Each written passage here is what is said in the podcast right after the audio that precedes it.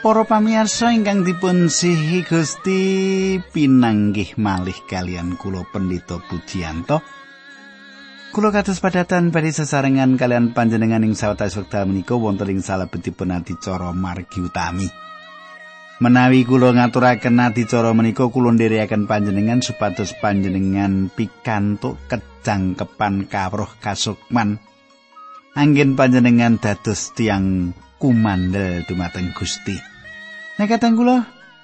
Kados pundi pawartos panjenengan? Menapa sayu-sae sehat sedaya. Inggih. Menawi wonten ingkang sakit ringkih ing badan panjenengan kedah ngatos-atos jagi kedah teliti kedah ndedonga kedah sumindi dumateng Gusti Allah. Sugeng midhangetaken ati cara menika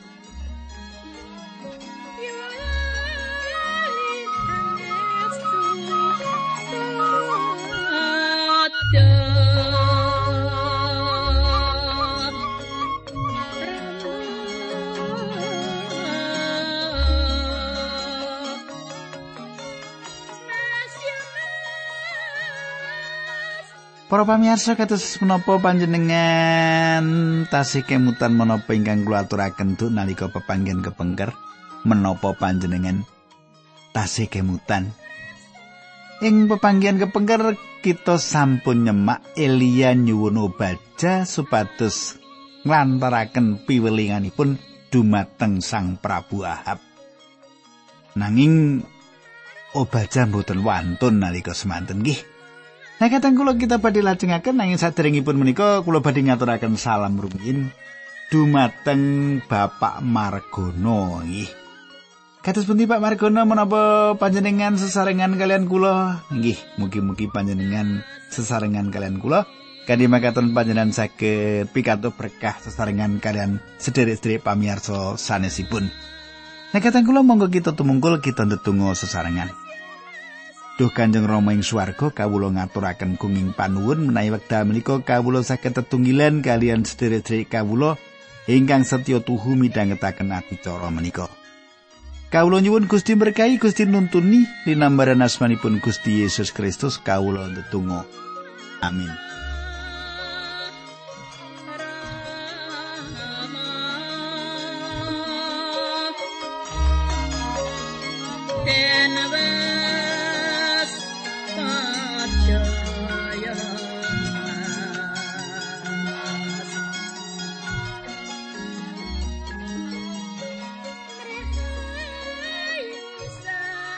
Para pamirsa ingkang kula tresnani, pasinon kita sampun lumebet ing setunggal para raja bab 18. Nah, samenika ngancik ayat pitulas lan kula wasaken dumugi ayat 18 lajeng kula sigek rumiyin. Bareng perso Elia Ahab ngendika, "Lah, iki tukang gawe rusuh ana ing Israel." Atur wangsulane Elia sanes kula nanging panjenengan piyambak lan keluarga panjenengan. Panjenengan sampun nglanggar dawuh-dawuhipun Gusti Allah mergi nyembah brahala-brahalaning Baal. Para pamirsa, menapa ingkang dados sanjangipun Elia menika mboten satunggalipun tembung ingkang kotong ingkang mboten nenten tegesik. Elia nyukani wangsulan kados menapa wontenipun? Saderengipun kita sinau langkung lebet kula badhe matur bilih golongan liberal tansah nglepataken tiang fundamentalis utawi asring dumadosing perpecahaning salebetipun gereja. Nanging sinten sejatosipun ingkang mecah gereja menika? Anggih golongan liberal. Golongan liberal. Sampun dados pakulinan golongan menika menawi karuwetan wonten ing gereja menapa kemawon karuwetanipun ingkang dipun lepataken golongan fundamentalis.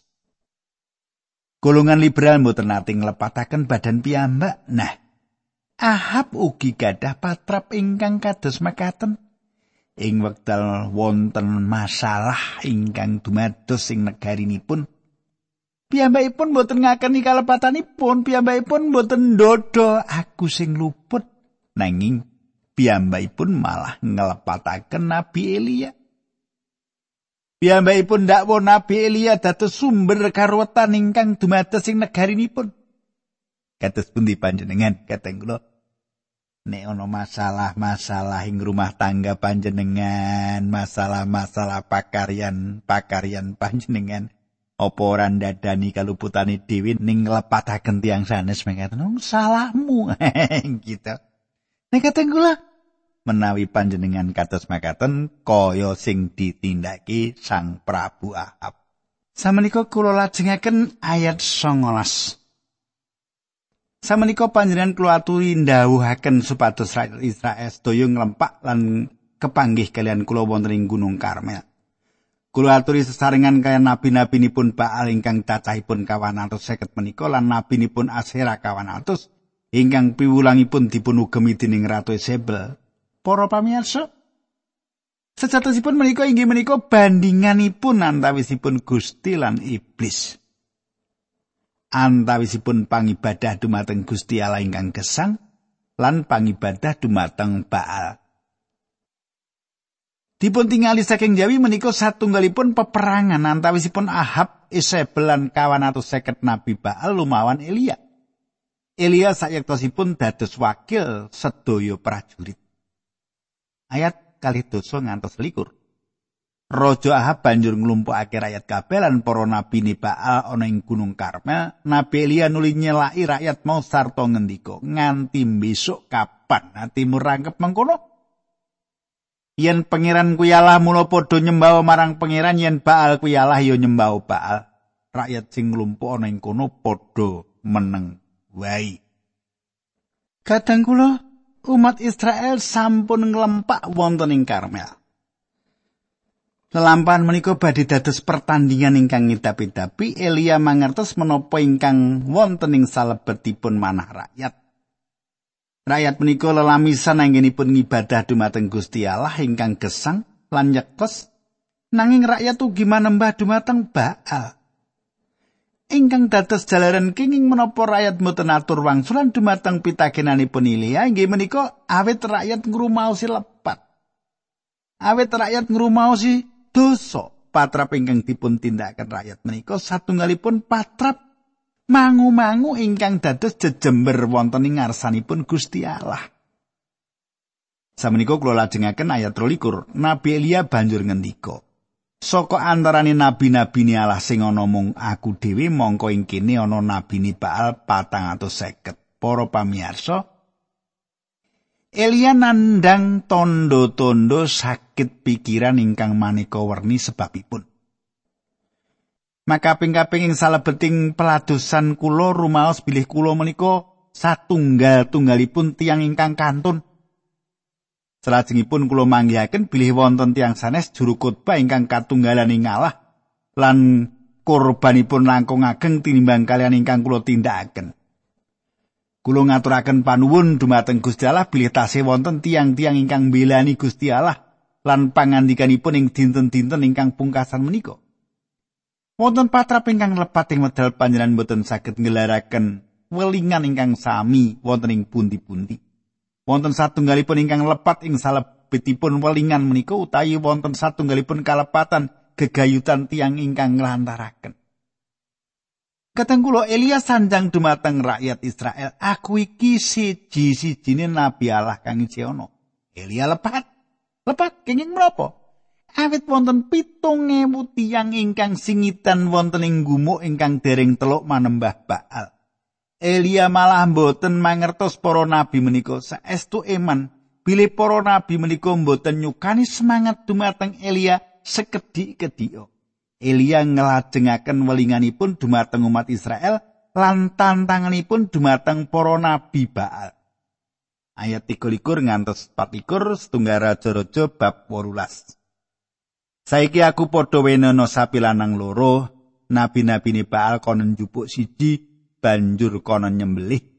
Banjur ditengkel-tengkel, tengkelane diselehno ana ing mesbeh nanging aja diobong dhisik sapi sijine ya bakal ndak gawe mengkono. Nabi-nabi ne Baal karepen ndedonga marang Allah lan aku yo ndak ndedonga marang pangeran. Ndialah sing paring wangsulan nganggo geni kuwi sing Allah temenan. Rakyat kabeh padha mangsuli kawan swara-swara inggih prayogi. Para pamirsa, Ing jaman samenika Gusti Allah ngersakaken panjenengan nepang panjenenganipun. Sinoso panjenengan saged ugi tasih mangu-mangu menawi panjenengan jujur lan saestu-estu ngersakaken nepang panjenenganipun. Panjenenganipun badhe meratelaken sariranipun dumateng panjenengan awit panci Gusti Allah ngersakaken panjenengan nepang panjenenganipun. Iman menika mboten gagap-gagap wonten ing pepeteng. Iman kita alandesan kasunyatan-kasunyatan. Kawilujengan panjenengan gumantung keyakinan panjenengan gegayutan kasunyatan-kasunyatan menika lan kumandel dumateng Sang Kristus. Panjenengan gatesaken menapa ingkang dumados. Samenika kita lajengaken ayat selangkung 6 pitulkur wolikur makaten surasipun. Nabi Elia banjur ngendika marang nabi-nabi Nebal sarene kantamu akeh kowe milio dhisik sapi mulan cawisna ndedonga marang Allahmu nanging kurbanmu aja kok doko igeni. Para nabi Nebal banjur milih sapi siji lan dicawisake kanggo kurban. Sawise mengkono banjur wiwit padha ndedonga marang Baal nganti setengah dina karo bengok-bengok Baal. Mugi paring wangsulan nggone muni mengkono mau karo jogitan ngubengi mesbah sing wis dicawisake nanging Baal ora mangsuli apa-apa. Bareng wis tengah dina Nabi Elia wiwit moyoi nabi-nabi Baal mau oleh mundut kurang seru. Panjenengan iku ira Allah to bisa lagi tindakan utawa bisa lagi sare mulane kudu kok wungokake. Nabi-nabi Baal nggone ndedonga saya seru lan kaya adat sabene wong-wong mau padha natoni awake nganggo peso lan blati nganti getihe dleweran. Para pamirsa nabi-nabi Baal ugi mboten purun kawon. Para nabi Baal kalawa sami ndedonga dumateng Baal nanging boten wonten satunggalipun perkawis ingkang dumados ingkang dipun tindakaken tambah waringutan. Para nabi Baal kalawa sami natoni badanipun lan rahipun deliwiran. Para nabi Baal kalawa yakin bilih menapa ingkang dipun tindakaken menika badhe nernyohaken Baal. Elia ningali tetinggalan menika lan umat Israel ugi ningali kahanan menika. Kadang kula wonten pratela setunggal tiang manunggal kalian Gusti Allah sami kalian golongan mayoritas. Elia ugi sinau kayektosan menika lumantar pengalaman ing jamanipun ing wekdal dumados. Keyakinan dumateng Gusti Allah dening saperangan ageng teng Israel ing kerajaan Siciler. Kabawah panguwasipun Ahab lan Isabel meh sedaya tiyang manembah Braul. Namung Elia ingkang ketinggal lumawan tiang-tiang menika panci wonten pitung ewu tiang ingkang dereng manembah Baal.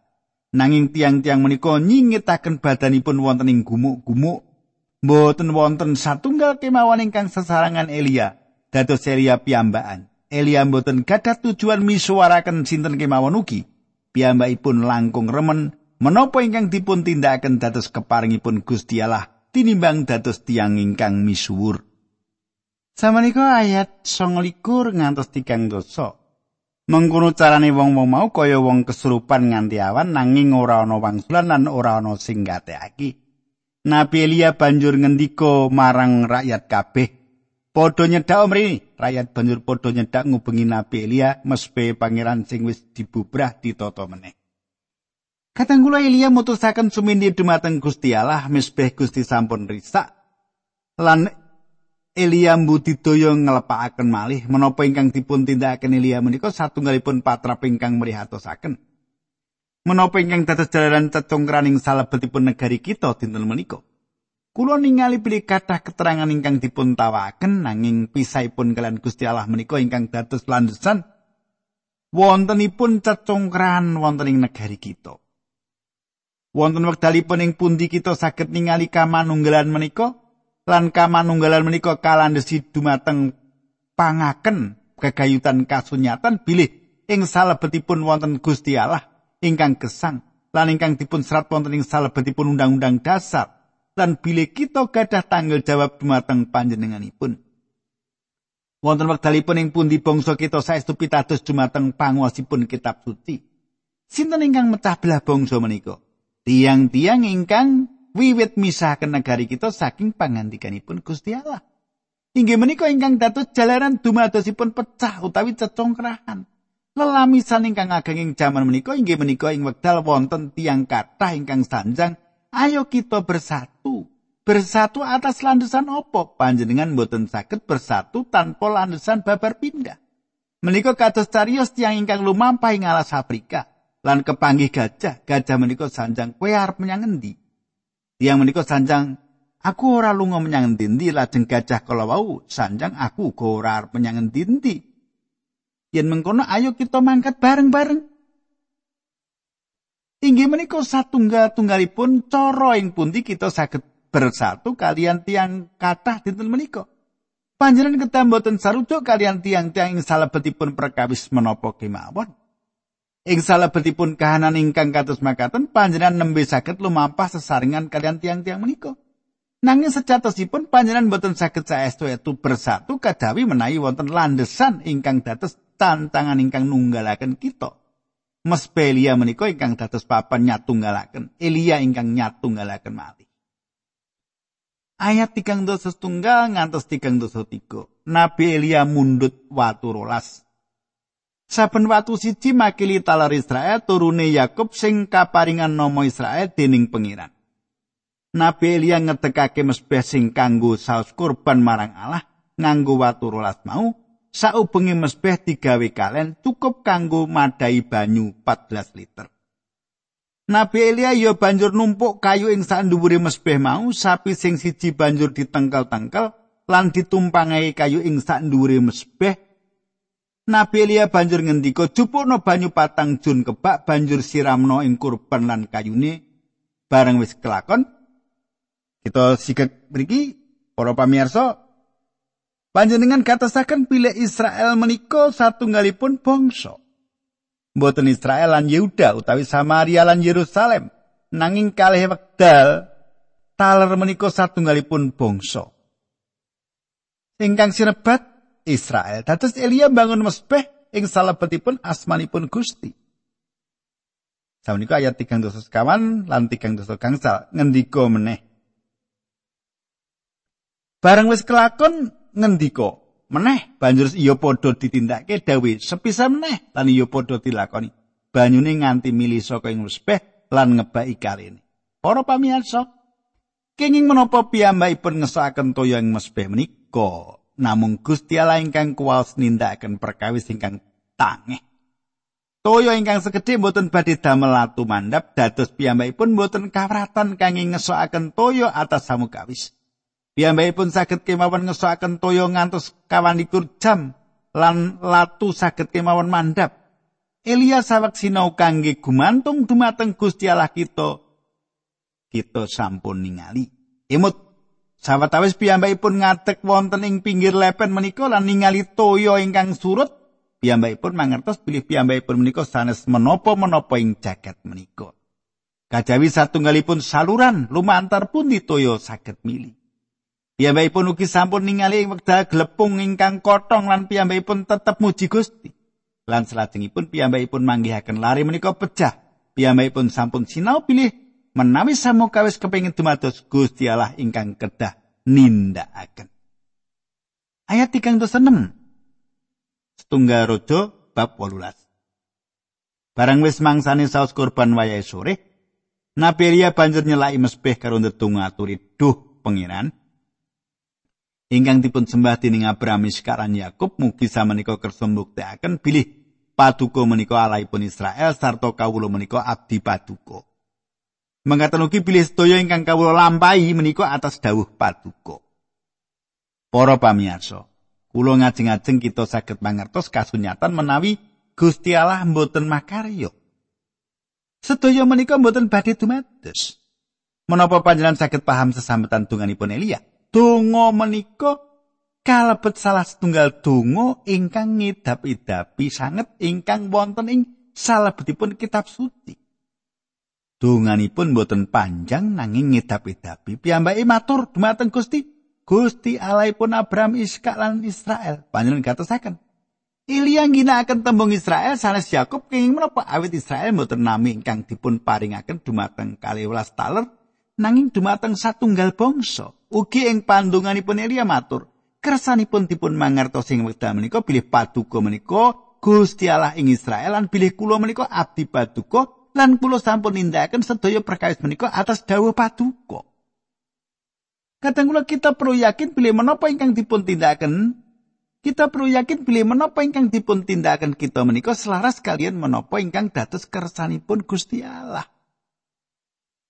Ampun nindakaken satunggalipun perkawis ingkang boten panjenengan tindakaken lan selajengipun panjenengan nyuwun Gusti Allah berkahi. Gusti Allah boten makaryo kados makaten menika. Panjenengan kedam bangun turut menapa ingkang dados marginipun Gusti menawi panjenengan ngersakaken nampi berkah menika. Kita mboten gadah hak kangge nuntut menapa kemawon dumateng Gusti Allah. Panjenengan bilih panjenenganipun kangge kita supados kita nindakaken kathah perkawis. Nanging kita mboten kenging nuntut menapa kemawon saking panjenenganipun. Gusti Allah mboten nindakaken parintah panjenengan. Kita kedah ndedonga selaras kalian kersanipun. Sepina malih panjenenganipun menika mboten saged dipun tuntut.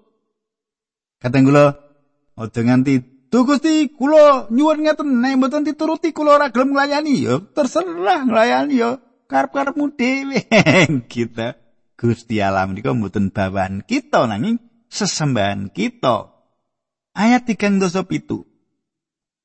Mugi patuko kersa miyarsakaken atur kawula duh pangeran kersa paring wangsulan supados rakyat sami sumerep pilih paduka menika pangeran soalah lan paduka piyambak ingkang damel manahipun tiang menika sami mertobat. Kadang kula Elia ndedonga nyuwun kaluhuran Gusti Allah ing wekdal semanten. Inggih menika ingkang dados jalaran Gusti Allah cawi-cawi.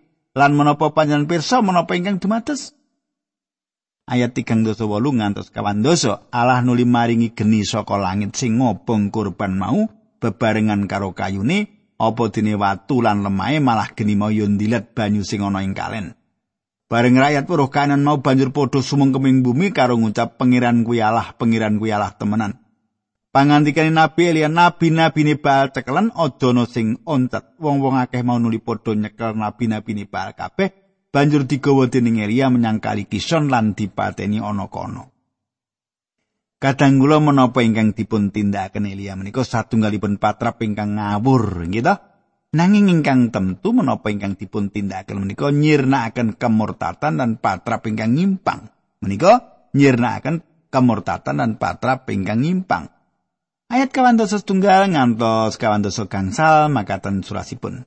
Sawise mengkono Nabi Elia matur marang Raja Ahab prayoginipun panjenengan samenika dahrum yen mergi sekedar malih badhe jawah lah menika wonten swanten kamrasaking Jawa deres. Kadang kula ing wekdal umat kagunganipun Allah mertobat dumateng Allah lajeng wonten Jawa. Ah banjur tindak karo dahar dene Elia minggahing gunung Karmel ing kono Nabi Elia sujud sumengkeming bumi. Banjur ndawi abdine munggah ing puncaking gunung lan ndelenga menyang segoro. Abdi mau banjur munggah lan bali meneh karo matur mboten wonten menapa-menapa. Abdi mau diutus munggah medun kaya mengkono nganti rambah ping pitu. Bareng ping pitune abdi mau bali karo matur kula semer wonten mendung alit saepek-epek dateng saking seganten. Nabi Elia banjur ngendika marang abdine matur raja Ahab supaya enggal nitih kretane kundur supaya ora kebenteng dening udan. Sanalika langite mendung nuli angin banter teka bebarengan udan deres, Ahab nitih kreta kundur menyang Yisrael. Para pamirsa Elia inggih menika tiyang ingkang ngidapi-dapi kanthi makaten tiyang saged ugi emut bilih ketiga dawa menika mboten namung satunggalipun lampan limrah. Nanging satunggalipun patrap njejekaken disiplin. Perkawis menika kapungkasi sami kados dene nalika wiwitanipun lumantar dawuh abdi Allah. Elia, Elia sanjang bilih badhe wonten Jawa, nanging ing wiwitanipun mboten wonten ingkang dipun tingali. Kajawi toya ingkang biru lan langit ingkang biru. Nanging emerda abdinipun ningali kaping pitunipun mendung agengipun saepek-epek katingali. Mendung menika lajeng ageng ngantos langit dados temeng lan jawah kados dipun soaken wonten ing bumi ingkang garing. Ayat 26 ing wektu kuwi uga nabi Elia dikuasai dening Allah Jubai diangkat lan disabui banjur mlajeng disi ikretane Raja Ahab nganti tekan gapurane kutha Israel. Kadang kula Elia sampun ngatur Ahab supados wangsul dhateng griya awit lepen badhe banjir lan menawi sampun banjir Ahab mboten saged nyabrang. Elia salajengipun lajeng mlajeng. Kadang kula kula tekapi semanten rumiyin lan monggo kita tumungkul kita ndedonga. Duh Kanjeng Rama ing swarga kawula ngaturaken gunging panuwun menawi wekdal menika kawula saged tetunggilan kalian sedherek kawula lan sampun ngedum berkah kasuwargan. Kawula nyuwun menapa ingkang kula aturaken menika dados berkah lan kegiatan linambaran asmanipun Gusti Yesus kawula netunggal. Amin.